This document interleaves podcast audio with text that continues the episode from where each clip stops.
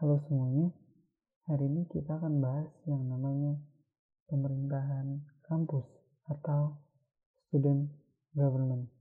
Nah, emang apa sih pemerintahan kampus itu? Loh, di kampus ada pemerintahan loh. Mungkin beberapa dari kalian ada yang bertanya-tanya seperti. Dan kalian yang bukan berasal dari orang kelembagaan yang ada dalam kampus, mungkin belum tahu nih, belum terlalu paham terkait pemerintahan yang ada di kampus ini. Kita tahu kampus itu punya sistem yang berbeda, nggak kayak lembaga pendidikan formal yang lain gitu. SD, SMP, atau SMA. Kampus punya ciri khasnya tersendiri. Selain emang sistem belajarnya yang relatif lebih fleksibel, kampus juga sering disebut sebagai sebuah miniatur negara. Karena emang struktur organisasi mahasiswa yang ada di dalamnya itu mirip sama struktur pemerintahan sebuah negara. Walaupun nggak semuanya mutlak sama. Ada juga lembaga yang ada di negara tapi nggak ada nih di kampus. Kalau ngeliat dari fungsinya ya mungkin memang karena beda aja dan nggak cocok buat diterapin di kampus. Tapi secara umum ada kesamaan nih antara kampus dan sebuah negara. Yang akan pertama kita bahas adalah soal trias politika. Sebagaimana layaknya Indonesia sebagai negara yang punya trias politika, kampus juga punya trias politikanya. Mulai dari lembaga eksekutif, lembaga legislatif, dan lembaga yudikatif. Dengan tugas pokok dan fungsinya masing-masing. Pada kekuasaan eksekutif, jika di negara kekuasaan eksekutif dipegang oleh pemerintah pusat atau pemerintah daerah, presiden, gubernur, dan jajarannya. Di dalam kampus, kekuasaan eksekutif ini dipegang oleh sebuah lembaga eksekutif yang biasanya disebut Badan Eksekutif Mahasiswa. Sedikit mungkin menyinggung soal Badan Eksekutif Mahasiswa atau BEM ini, ia adalah sebuah lembaga yang bertugas sebagai pelaksana kegiatan kemahasiswaan pada tingkat universitas ataupun tingkat fakultas. Di sini, BEM pada tingkat universitas atau BEM universitas berlaku sebagai pemerintah pusat dan BEM pada tingkat fakultas berlaku sebagai pemerintah daerah. Tidak hanya di universitas dan di fakultas, di tingkat yang lebih rendah, program studi ataupun jurusan pun ada pemerintahannya yang biasa kita kenal dengan istilah himpunan mahasiswa atau himpunan mahasiswa program studi atau himpunan mahasiswa jurusan.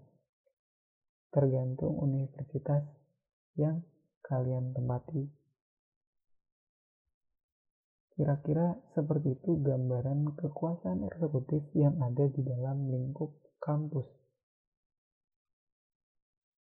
Kemudian kita akan berlanjut ke kekuasaan legislatif. Pada sebuah negara, khususnya di Indonesia ya, kekuasaan legislatif dipegang oleh lembaga legislatif yang bernama Dewan Perwakilan Rakyat atau Majelis Permusyawaratan Rakyat. Kekuasaan legislatif yang ada di kampus itu dipegang oleh lembaga legislatif yang tugasnya kurang lebih sama dengan tugas DPR dan MPR, yakni membuat undang-undang di dalam kampus. Tetapi, selain membuat dan merancang, lembaga legislatif juga mengawasi kinerja dari lembaga eksekutif selama pelaksanaan program-program yang dilakukan. Lembaga legislatif ini juga bertugas untuk menyampaikan aspirasi mahasiswa ke lembaga eksekutifnya. Lembaga legislatif di universitas biasa dikenal dengan nama yang berbeda-beda. Ada yang menyebutkannya dengan Dewan Perwakilan Mahasiswa, ada juga Majelis Pemusyawaratan Mahasiswa, ada juga Badan Legislatif Mahasiswa, ada juga Dewan Legislatif Mahasiswa. Bergantung pada di mana universitas memberikan penamaan pada lembaga legislatifnya. Kemudian ada lagi kekuasaan yudikatif. Kekuasaan yudikatif pada kampus ialah untuk melakukan fungsi kehakiman mahasiswa merujuk pada Mahkamah Konstitusi yang ada pada Indonesia. Kurang lebih sistemnya sama. Akan tetapi untuk kekuasaan yudikatif masih jarang diterapkan di universitas. Ada yang hanya menjalankan kekuasaan eksekutif dan kekuasaan legislatif. Atau mungkin menjalankan kekuasaan eksekutif dan menjalankan kekuasaan gabungan antara legislatif dan yudikatif pada prosesnya. Dari sini mungkin udah kelihatan nih, ada beberapa kesamaan antara kampus dan negara.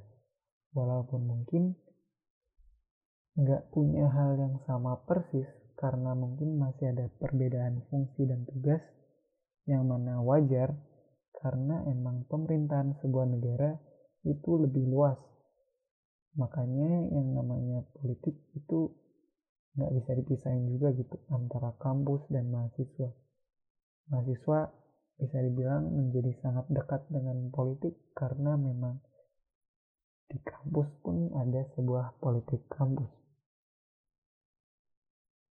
selain dengan adanya trias politika yang ada di kampus sebenarnya ada juga lembaga-lembaga yang berada di luar tiga kekuasaan tersebut berupa lembaga independen tersendiri yang biasanya menyesuaikan kebutuhan tiap-tiap universitas. Lembaga independen ini itu biasanya nggak punya garis komando ke kekuasaan-kekuasaan yang sudah tadi disebutkan ke trias politika ini. Hanya berupa garis-garis koordinasi aja gitu unit kegiatan mahasiswa atau UKM menjadi salah satu contoh dari lembaga independen dalam sebuah pemerintahan kampus. Jadi UKM itu terlepas dari lembaga eksekutif, lembaga legislatif, lembaga yudikatif, bukan merupakan bagian dari trias politik, tapi merupakan lembaga independen tersendiri.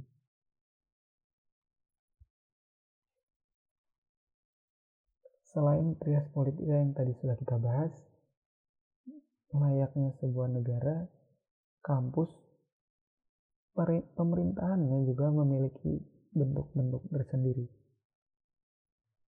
Sebenarnya bentuk-bentuk pemerintahan kampus pun sama seperti bentuk-bentuk negara pada umumnya yang kita ketahui. Bentuk pemerintahan itu kan dasarnya memang ada dua ya, republik dan monarki. Nah, di kampus itu ada dua juga. Yang pertama yang akan kita bahas adalah soal republik mahasiswa. Nah, artinya pada bentuk pemerintahan seperti ini itu dikepalai jelas oleh seorang presiden di mana presiden dipilih berdasarkan ketentuan pemilihan umum. Dan presiden di sini punya sifat instruktif. Jadi ketika presiden mengeluarkan peraturan, maka itulah yang akan dilakukan oleh mahasiswa. Kemudian yang akan kita bahas selanjutnya adalah keluarga mahasiswa. pada bentuk pemerintahan ini itu mengutamakan asas kekeluargaan. Di sini, badan eksekutif mahasiswa sifatnya hanya mengkoordinasi dan tidak memiliki sifat instruktif layaknya Republik Mahasiswa. Kurang lebih penjelasannya seperti itu. Mungkin tadi kita juga udah pernah nyinggung ya barusan yang soal Republik Mahasiswa soal pemilihan presiden. Di sini kampus memang pasti menganut sistem demokrasi. Jadi memang setiap kepala lembaganya dipilih berdasarkan sebuah pilihan atau mungkin sebuah sidang umum lewat sebuah musyawarah yang mencapai mufakat.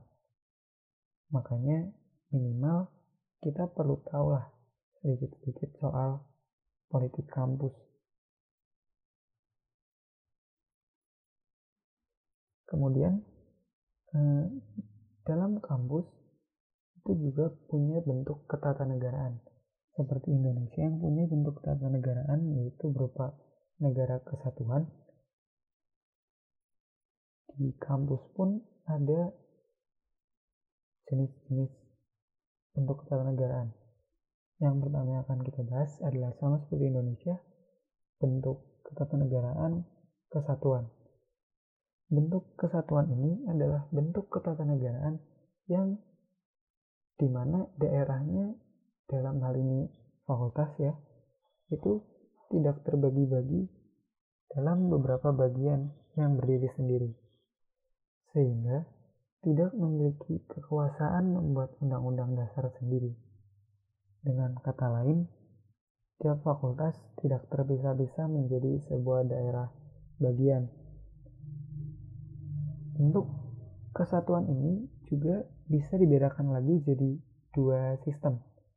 Yang pertama ada sistem sentralisasi di mana semua kewenangannya diurus oleh lembaga tingkat universitas sedangkan tingkat fakultas hanya menjalankan kebijakannya yang sudah diputuskan di tingkat universitas. Yang kedua, ada sistem desentralisasi, yaitu fakultas juga diberikan kesempatan untuk menyelenggarakan pemerintahannya sendiri.